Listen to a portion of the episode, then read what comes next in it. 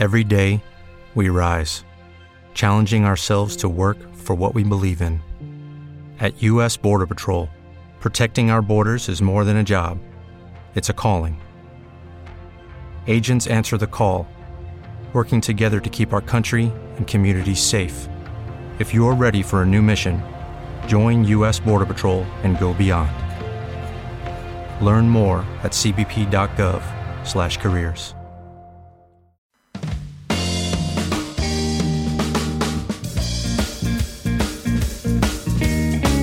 La luz de la palabra. Un passeig pels murs del vers. Amb Francisco Cejudo.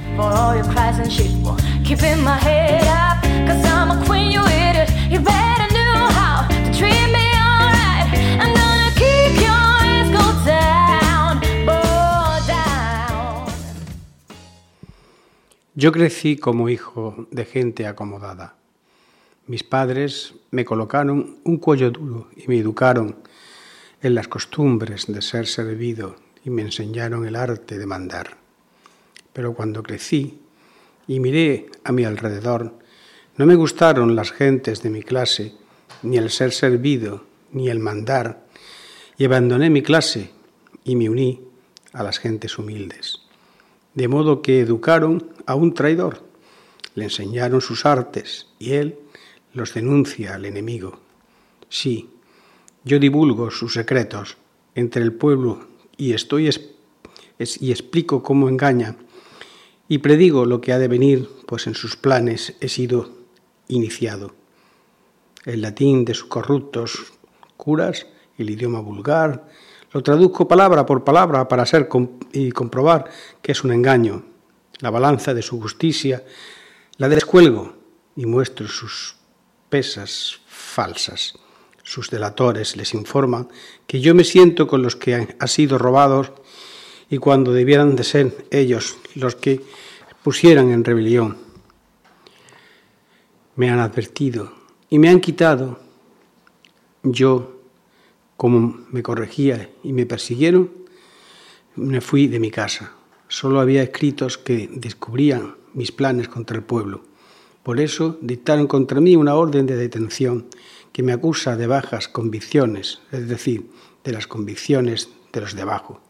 Así que, vaya donde vaya, estoy marcado a fuego para todos los propietarios, pero los que nada poseen leen la orden de detención y me ofrecen refugio. A ti escucho que me dicen, te andan persiguiendo por buenas razones. Bertolt Brecht.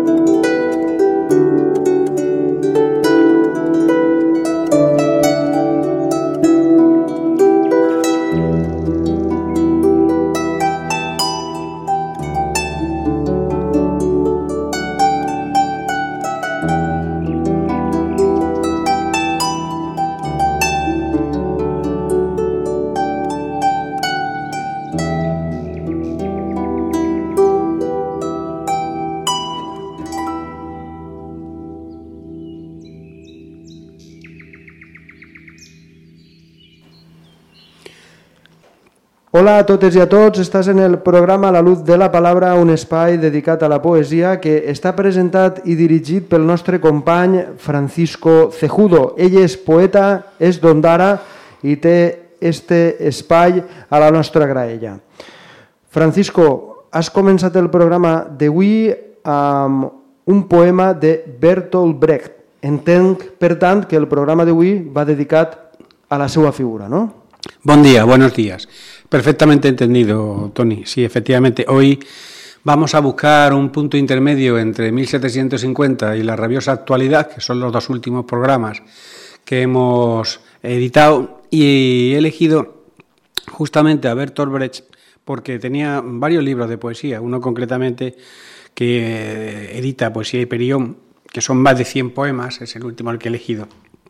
Y, a este personaje de la mitad del siglo pasado eh, se le conoce fundamentalmente por ser uno de los renovadores de, de, del teatro, ¿no? Él es, aparte de, poeta, fundamentalmente dramaturgo, ¿no? Él mm, se le debe lo que se le llama teatro dialéctico y teatro épico, ¿no? Es una, una renovación importante eh, durante, como digo, la primera mitad del siglo pasado, ¿no? Uh -huh. Y a este personaje, a este buen poeta y mejor dramaturgo, vamos a, a dedicar el programa de hoy. Podríem dir que el poema que has llegit al començament del programa d'avui resumeix un poc la seva vida? Sí, sí, sí. Lo he querido poner como elemento introductorio para situarnos, ya que Bertolt Brecht nació en, mil, en 1898, concretamente el día 10 de febrero, y murió, nació en Habsburgo, en Alemania, como digo, y murió el 14 de agosto de 1956 en Berlín, es decir, que alemán y de una familia acomodada, como él dice, donde lo instruyeron dentro de lo que es bueno, pues, pues, pues todas las, las ventajas sociales que tiene una familia de estas características. Eh, y, a partir de ese conocimiento de todas las bondades que le dio la vida y consciente, ya lo iremos luego desgranando, de esa desigualdad social que se encontraba, vivió las dos guerras, ¿eh? las dos guerras y el, el, periodo de interguerra, un periodo duro de, de, las dos guerras mundiales. Entonces él conoció también pues las desgraciadas eh, maneras de vivir que tenía a su alrededor y la, desde la perspectiva pues las denunciaba. Todo su teatro también es crear una conciencia social ¿eh? que, que, se manifiesta en todas las obras de teatro y en su poesía también. Por eso he querido traer este poema introductorio para situarnos de lo que és el personatge que hoy tratamos, Bertolt Brecht. Molt de valorar per la seva part, tenint en compte, sí. com has comentat, que venia d'una família acomodada. Sí, sí, sí. Y luego, bueno, pues todos los inconvenientes que esto le acarreó, porque ya lo comentaremos más adelante, él estudia a fondo a, a Marx y a Engels, el Capital, ¿eh? estudia todos los postulados comunistas, es de convicción comunista, pero no pertenece al Partido Comunista ni, ni perteneció nunca a ningún partido comunista. Entonces, a pesar de sus postulados y su ideología, fue perseguido, ya lo comentaremos, tanto en la parte, en la parte eh, europea como en la parte americana, en, en su exilio. Ya lo iremos comentando. Ahora leeré el poema que he cogido, Contra el engaño. Iremos, como siempre, alternando lo que es la lectura con lo que es pues unas pinceladas de, de, su vida, ¿no? Contra el engaño. No os dejéis engañar, no hay ningún retorno, el día está a las puertas, ya se siente el viento nocturno, no habrá ningún mañana. No os dejéis estafar, la vida es poca, bebedla a grandes tragos, pues no os parecerá bastante cuando hayáis de dejarla. No os dejéis consolar, no tenéis mucho tiempo, la pudrición para los redentores. La vida es lo más grande, la nada, nada de ella disponemos. Bueno, es, no es todo el poema completo, es, eh, como digo, contra el engaño. Tiene, creo que son siete estrofas y he leído las cuatro primeras, ¿vale? Pero bueno, me ha parecido suficientemente también eh, ilustrativas de su pensamiento acerca de la importancia que tiene ya los postulados de vivir el momento, ¿eh? de, los postulados clásicos. Eh, así que de Carpe Diem me parece también importante ir pues descifrando un poco y conociendo tampoco un poco lo que es su pensamiento, ¿no? Como digo, él nació el, en, una, en una familia muy, muy acomodada. Su padre era gerente de una fábrica de papel y, tenía pues, cierta reputación, cierto también papel relevante en el contexto social de, de, de Augsburgo, donde, donde nació. Eh, su madre pues era muy, muy puritana y fue educado y conocedor perfecto del, de la Biblia, en latín además, cosa que dominaba pero él todas estas enseñanzas le fue creando también, y esta presión le fue creando un espíritu rebelde, ¿eh? que se manifestó con los años, ¿eh? como hemos dicho, en sus obras y en su forma de vivir, ¿no? en sus obras de teatro fundamentalmente, y en la, y en la escritura de poesía también, como estoy eh, leyendo. He elegido, eh, creo que poemas más o menos representativos tanto el primero que he leído como este ahora, de que no hay futuro, no, o sea, que no hay mañana, que es la vida, no hay otra cosa más que la vida. Y luego leeremos otro también sobre el dinero, en fin, más o menos mmm, poemas que representan un poco el, la filosofía de vida que tiene Bertolt Brecht, ¿no? para conocerlo mejor. ¿no? Él a los 15 años, ya con el instituto, pues empieza su, su, producción, por así decirlo, escrita, ¿no? ya que dirige un periódico escolar. A los 15 años empieza a publicar. Sí, sí.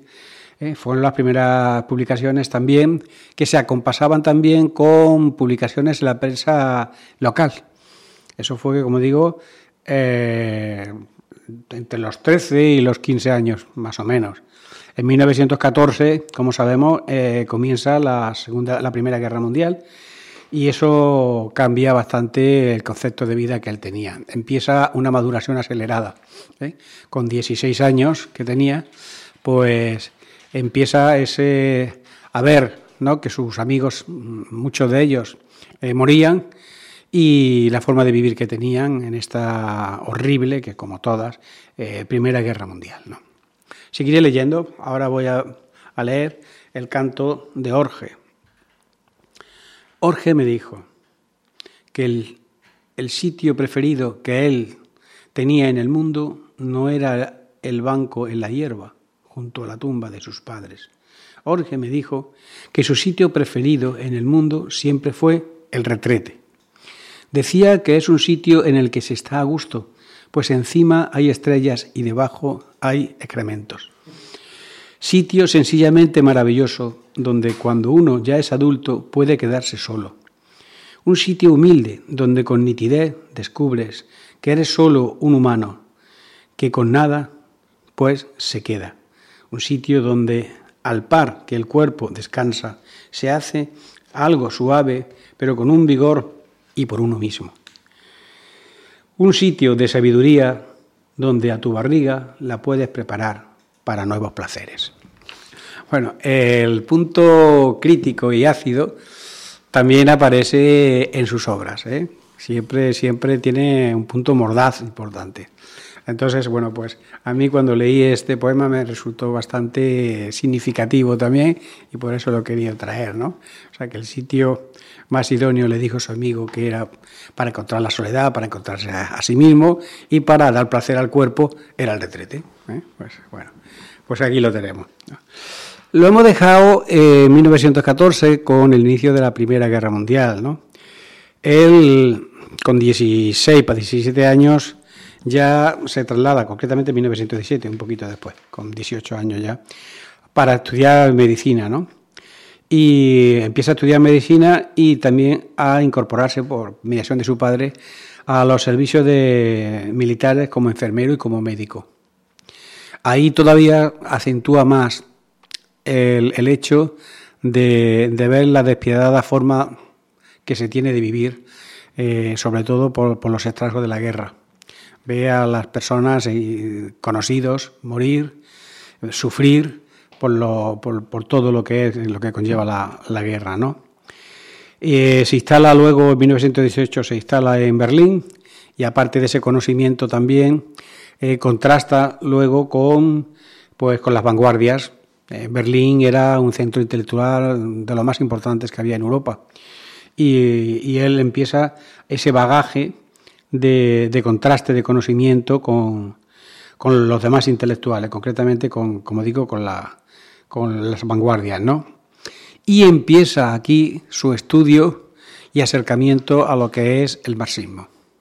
Ya de estudiante universitario empieza a conocer un poco y dentro también de los vanguardistas hay personas muy eh, que descollan dentro de lo que es el mundo del pensamiento y el mundo del pensamiento marxista. ¿no? Ese acercamiento también se produce en esta, en esta época, ¿no? entre 1917 y 1921. Eh, también empieza su relación con, con el amor y con las mujeres, que tuvo de forma conocida tres, en este primer caso con con Paula Van Hulgen, con la cual tuvo un hijo. No llegó a casarse, pero él tenía 19 años, 19, 20 años. Y, pero, pero bueno, ya ahí empieza también, como digo, su descendencia y una parte importante que es el conocimiento de, a fondo del amor y de las relaciones de pareja. En 1921 deja la universidad sin graduarse ¿eh? y, y, fue la primera obra de teatro, que son tambores en la noche, eh, cuando lo puso en escena. Se dedicó, dejó la medicina y se dedicó eh, completamente a lo que es la creación teatral y poética. Eh, como digo, en 1921. Voy a seguir leyendo ahora y voy a leer ahora Descubrimiento en una mujer joven. Es un soneto, también los tiene sonetos. Lo que pasa es que creo que a la hora de leerlo, porque es una transcripción del, del alemán, no lleva rima bueno, no lleva arriba, pero vamos, son, como digo, dos cuartetos y, dos tercetos. Dice así. Por la mañana, en la sobria despedida, una mujer fría entre puerta y marco, en frío contemplaba, y vi que en una mecha de su pelo era gris, ya no podía decir que se manchaba.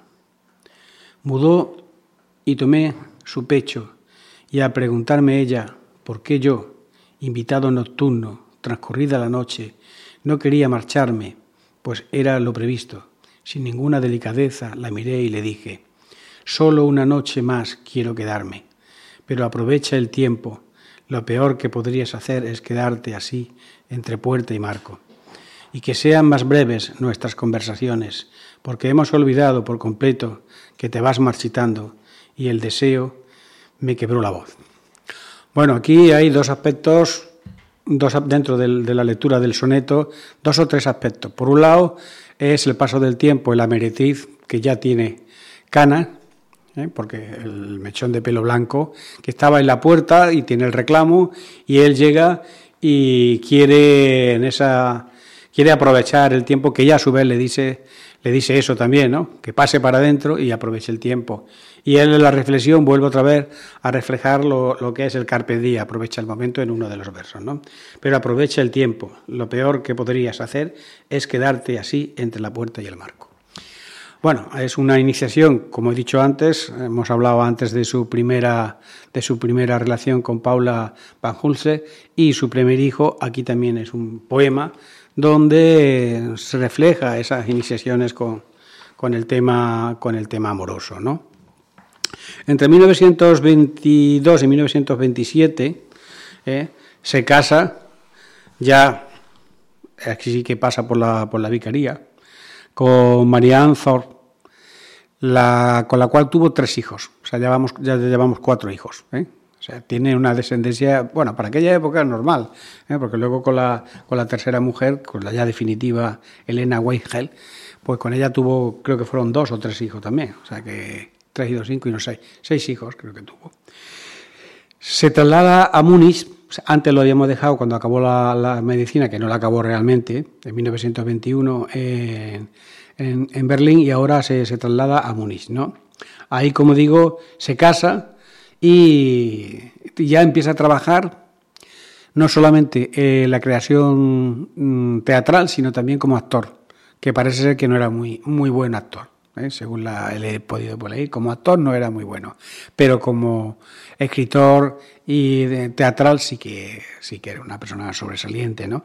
En 1924 se traslada, como digo, y, y se aleja del expresionismo y estudia a fondo eh, en ese acercamiento que hemos comentado antes de estudiantil mm, hacia el marxismo, eh, estudia muy, muy, muy a fondo lo que es el capital.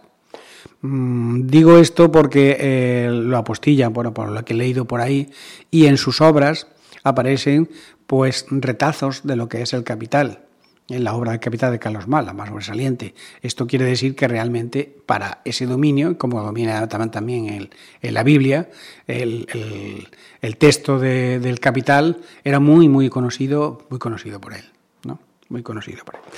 Bueno, pues, y como digo también, se convierte al comunismo de convicción, pero no pertenece a ningún, al, Partido Comunista de, de, de momento, ¿no? Bueno, voy a leer ahora del placer del esposo, ya que se había casado de forma oficial con Marianne Zop, leeré otro soneto ¿eh? Eh, sobre ese tema. Amo a mis mujeres infieles. Ven mis, ven mis ojos fijos sobre sus caderas y tienen que esconder su regazo ante mí. Me da placer el ver cómo lo hacen. Con el sabor aún de otro hombre en la boca, está obligada a excitarme convenientemente y a reírme lasciva yo en su boca, con otro rabo aún en el frío regazo. Y mientras la observo, inactivo, comiendo los restos del plato de sus ganas, ella estrangula en su pecho el sueño poscoital. Yo estaba aún lleno de él cuando hizo estos versos, dijo ella, pero habría resultado un placer caro si este poema lo hubiera leído los amantes. Bueno, pues a pesar de, su relación eh, matrimonial, pues parece ser que sigue también con las meretrices para arriba y para abajo, por lo que hablo aquí del, gozo del amor. Bueno, seguimos un poco avanzando y nos situamos ahora en 1900, ya en 1928, donde se casó, como he dicho, definitivamente con Ellen Weigel, que tuvo dos hijos, y entre 1929 y 1933 fue bastante productiva ese, ese periodo de tiempo, ¿no? Eh, realizó pues una de las, de, las creaciones eh, teatrales más importantes, que dentro de su obra, la, quizá la, la, más conocida y la más sobresaliente, que es la ópera de los tres centavos. Creo que a la mayoría de si, eh, Bertolt Brecht, pues por la obra esta, eh, le sonará, ¿no?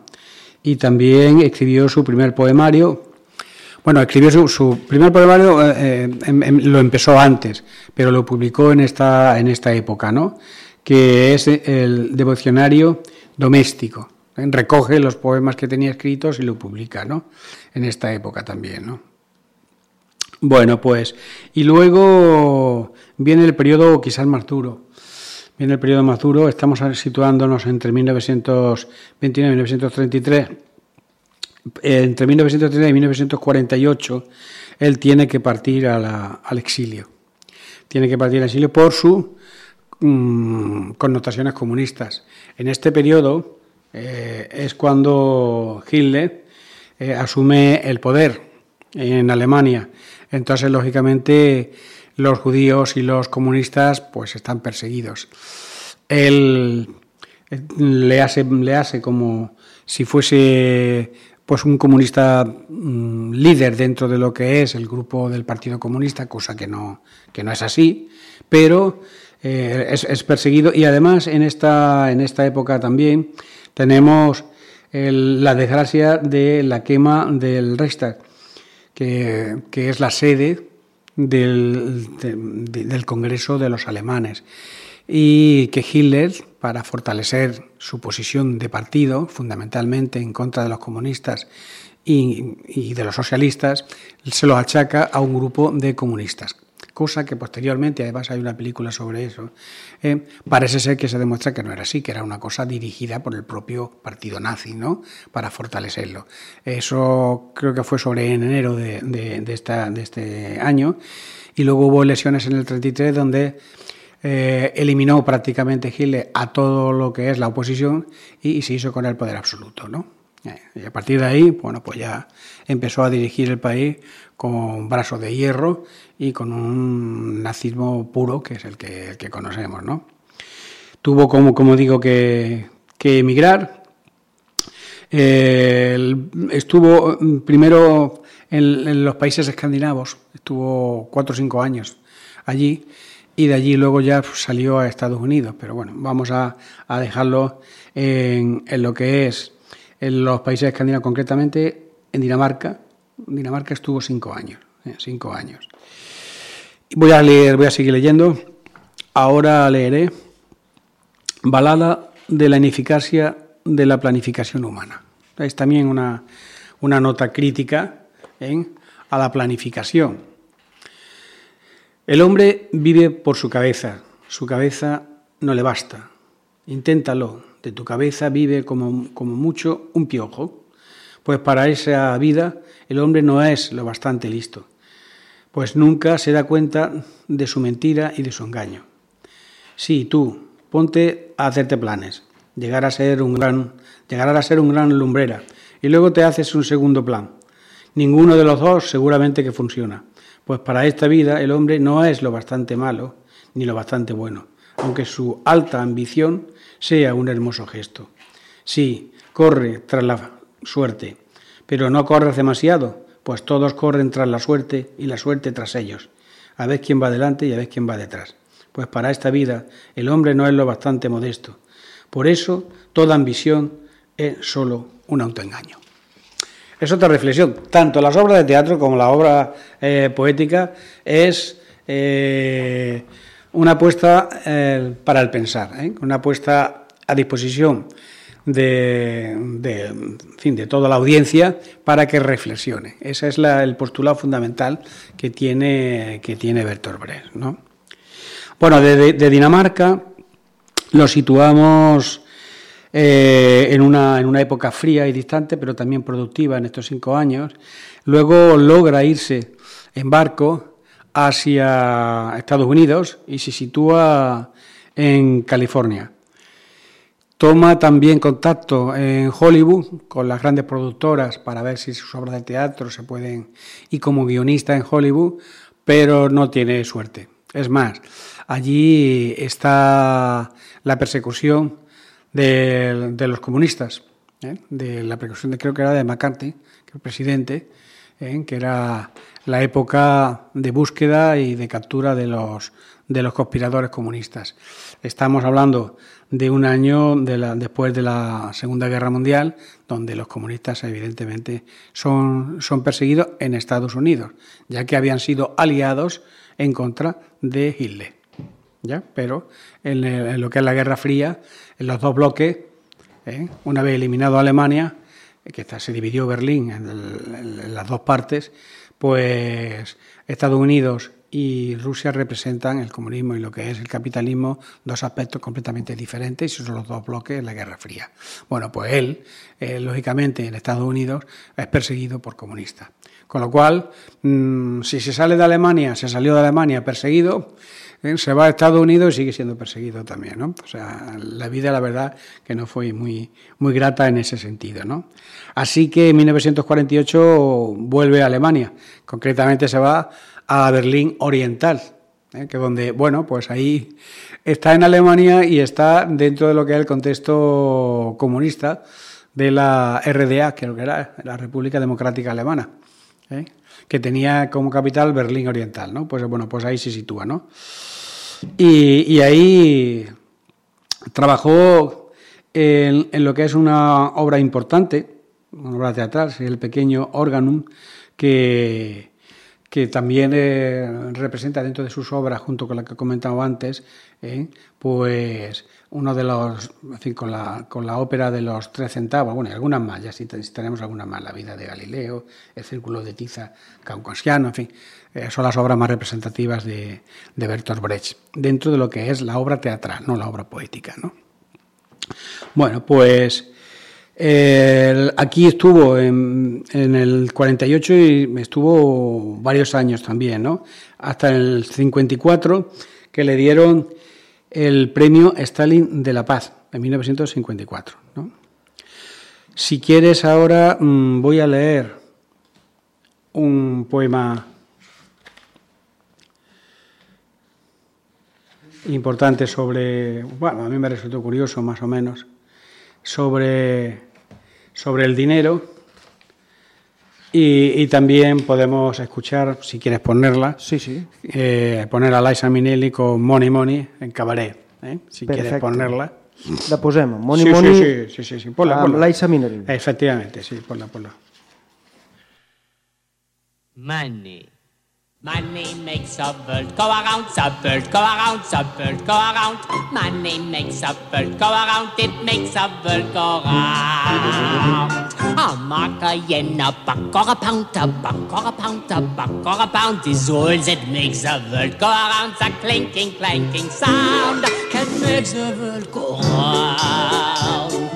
Money, money, money, money, money, money, money, money, money, money, money, money, money. If you happen to be rich and you feel like a night's entertainment, you can pay for a gay escapade. If you happen to be rich and alone and you need a companion, you can ring for the mate. If you happen to be rich and you find you are left by your lover and you moan and you groan quite a lot, you can take it on the chin, call a cab and begin to recover on your 14 car at the yacht.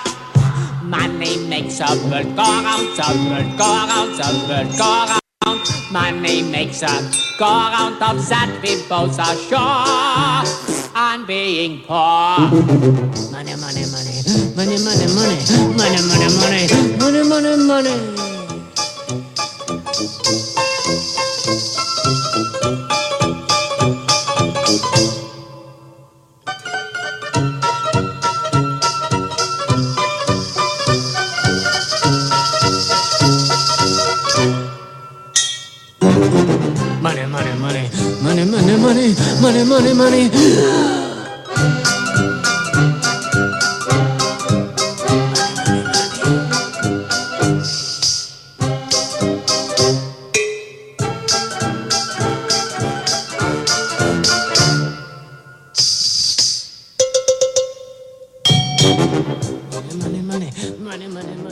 Enseñar sin alumnos, escribir sin fama, es muy difícil. Es hermoso salir por la mañana con las hojas recién escritas, al impresor que espera en el vibrante mercado donde venden carne y herramientas, y tú vendes las frases que has creado. El conductor ha conducido rápido, no ha desayunado, cada curva fue un riesgo. Está corriendo por la puerta aquel a quien quería recoger. Se ha marchado ya. Allí habla aquel al que no escucha nadie, habla demasiado fuerte, se repite, dice falsedades, nadie le corrige y espera con la mano extendida el money money.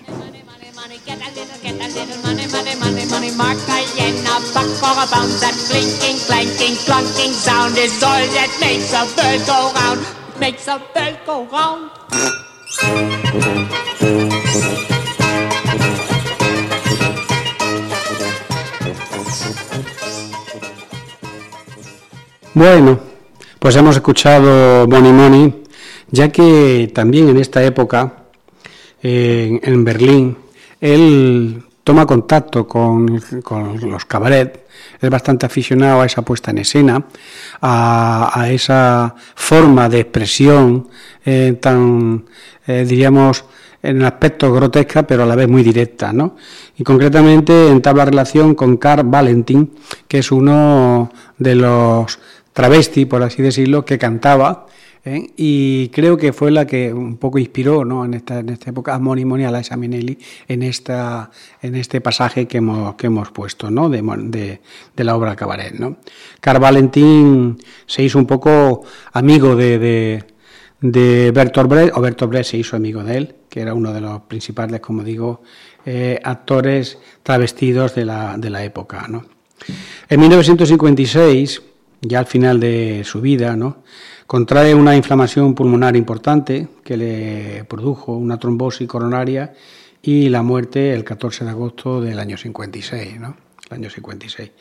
La verdad que es una, una vida corta, porque estamos hablando de 58 años, eh, eh, pero intensa y de denuncia social, de conocimiento de lo que es eh, la- la- las miserias del hombre, porque vivió las dos guerras también, y su lucha por, por poner en escena, fundamentalmente en escena, pues al hombre a pensar ¿no? en estas eh, formas de vivir en estas contrariedades sociales que, que, había en la época. ¿no?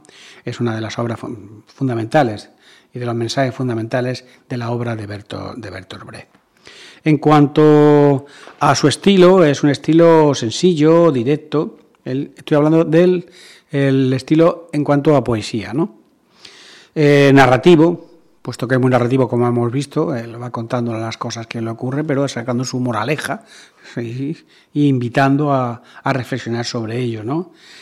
Y, y eh, son poemas también de lugares, de amigos, de ideas políticas también, como hemos dicho, eh, lo que era el dinero, lo que era la posición social, son ideas políticas y sociales, ¿no?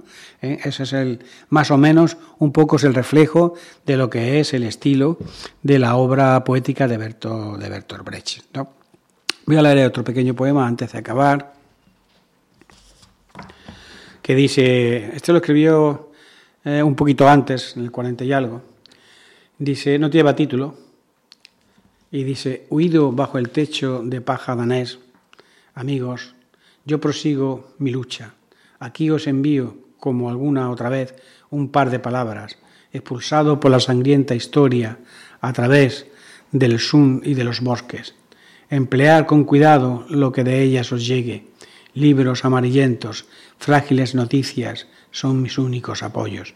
Si volvemos a vernos, con gusto empezaré otra vez, como aprendí, a escribir y a mandaros vuestras, nuestras letras. Bueno, pues mm, aquí también se refleja un poco la situación de exiliado, de continuo exiliado que tuvo que vivir, tanto en Berlín como en, en, en, lo, en lo, que es el, la, primera, la primera parte en Habsburgo, luego posteriormente en Dinamarca, luego en California, luego otra vez en Berlín Oriental, en fin, una vida bastante, bastante azarosa en ese sentido. ¿no? Vamos a ir terminando. En este caso voy a repasar un poco lo que son las obras. Escribió más de 2.300 poemas, es decir, que a pesar de, de, su significancia como escritor de teatro, su obra poética también tiene, tiene bastante, bastante importancia, ¿no? Dentro de la, de la, poesía escribió canciones para guitarra de Bertolt Brecht y sus amigos, de, de Visionario Doméstico en 1927, Coral del Hombre, Sonetos de Augsburgo, poemas de Schoenborg y elegías del Buchholm, eh, entre otras obras más significativas. Ahí tiene muchas más, pero bueno. Y de obras de teatro, como he dicho, las más, las más relevantes quizás fueron la ópera de los tres centavos, La vida de Galileo, El círculo de la tisa causiano, Terror y miseria de los tres Reich, Madre Coraje y sus hijos, también muy importante esa también, eh, La buena persona de Seusswan, en fin, hay muchas, muchas obras, pero creo que dentro de las más significativas y relevantes de, de, de, lo que es el cómputo general son estas las que he citado, las más, las más significativas. ¿no? Bueno, pues voy a acabar ahora con una lectura como siempre y luego con música para eh, bueno, pues acercar a, la, a los radioescuchantes la figura de Bertolt Brecht, que como vuelvo a reiterar, es un, una persona muy conocida dentro de lo que es el mundo de teatro, poco conocida dentro del mundo poético, pero que también tiene su importancia y su relevancia, ¿no? Fundamentalmente por esa tesitura en que nos pone de su poesía eh, reflexiva, directa y que nos hace pensar como sus obras de teatro. Bueno, ahora leeré, pues creo que es el último poema que está elegido en el libro este de los 100 poemas escogidos, es una edición bilingüe que hace Jesús Monarri y Vicente Forés, o Forés, de Poesía Hiperión. Y dice así. Se acabó la obra, perpetrada la función, despacio se vacía, como una tripa flácida el teatro. En los vestuarios se quitan el maquillaje y el sudor, los ágiles vendedores de mímica velozmente mezclada con retórica rancia. Por fin se pagan las luces que desvelan la lamentable chapuza y dejan en penumbra la hermosa nada del escenario maltratado, en el vacío patio de butacas que todavía apuesta, sentado, el buen autor dramático intenta, insatisfecho, recordarlo. Bueno, pues es un autorretrato ¿eh? de, de él mismo cuando acaba la función y dar repaso un poco a lo que es la significación y la narración de lo que es la obra, una obra teatral, una obra de teatro. ¿no? Como he dicho antes, eh, su obra poética es una obra también de lugares y, de personajes cercanos, en este caso más cercano que el escenario del teatro. Para él, pocas cosas había. Pues bueno, este ha sido el acercamiento en esta semana a la, a la obra y la figura de Bertolt Brecht. Acabamos ahora también con una canción, con un personaje muy de la época también, querido traer en este periodo de entreguerras a Edith Piaf y el himno al amor, como también salida a la negritud de la vida ¿eh? en esta época, pues Edith Piaf i el himno a l'amor. Francisco, abans d'escoltar esta cançó i d'acomiadar-nos, m'agradaria aprofitar la teva presència avui per a que ens parles un poc sobre les futures presentacions que tens. Ah, bueno, sí, pues estoy ahora, ya lo comentamos fuera de, micro, estoy ahora en lo que son las presentaciones de, de notaflorismos, lo dejamos puesto que el libro me llegó a finales, bueno, en el verano, en julio prácticamente, y si es solamente una presentación, y ahora la he retomado, concretamente mañana viernes. Mañana viernes, no, dentro de los viernes lo tengo en Valencia. Y el pasado viernes lo tuve en Alicante, en, en Alicante, bien digo, en Alicante, sí, en Alicante, lo tuve en Alicante. Así que estamos ahora, tengo pendiente también mm, para noviembre Teulada y el día 1 de diciembre, creo recordar que estoy recordando de fecha, el día 1 de diciembre aquí en Ondara. Serían más o menos cada mes uno o dos, una o dos presentaciones hasta final de año. Luego ya el programa de, de verano, pues de verano y de primavera primero, pues lo tendremos ya cara a la planificación del año que viene. El día 13 de octubre estoy también en Murcia, la que recuerdo, en la feria, en la feria del libro. Sí, Molt sí, bé. sí, sí. L'enhorabona per este últim llibre i espero que totes les presentacions vagin igual de bé que la que va anar a Alacant, perquè m'has comentat fora de micròfon que va anar molt bé, no? Sí, sí, la verdad que sí. La verdad que estuvo llena de, bueno, pues gente que le interesa la poesía y conocidos también, que tengo bastante allí de mi época cuando trabajaba por allá. La verdad que muy bien, estuvo el acto bastante, con bastante público, muy entrañable, con la música también de Concha Ballester. La verdad que resultó un acto, un acto bastante agradable. L'enhorabona, per tant, Francisco Cejudo, t'esperem la pròxima setmana amb més poesia i ens acomiadem avui amb Edith Piaf i Himn a l'amor.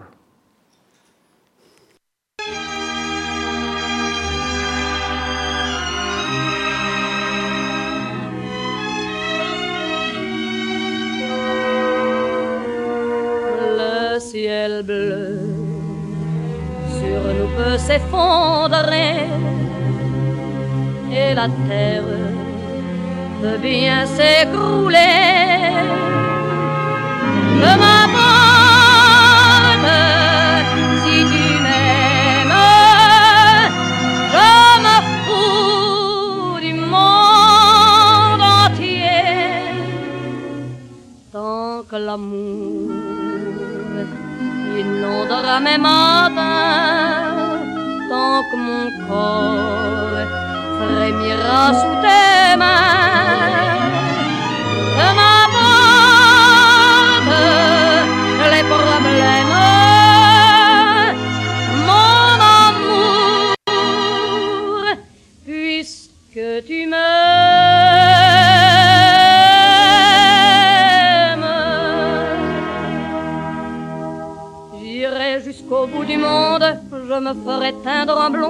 Si tu me le demandais. J'irai décrocher la lune, j'irai voler la fortune si tu me le demandais. Je renierai ma patrie, je renierai mes amis si tu me le demandais. On peut bien rire de moi, je ferai n'importe quoi si tu me le demandais. Si un jour la vie t'arrache à moi, si tu meurs que tu sois loin de moi.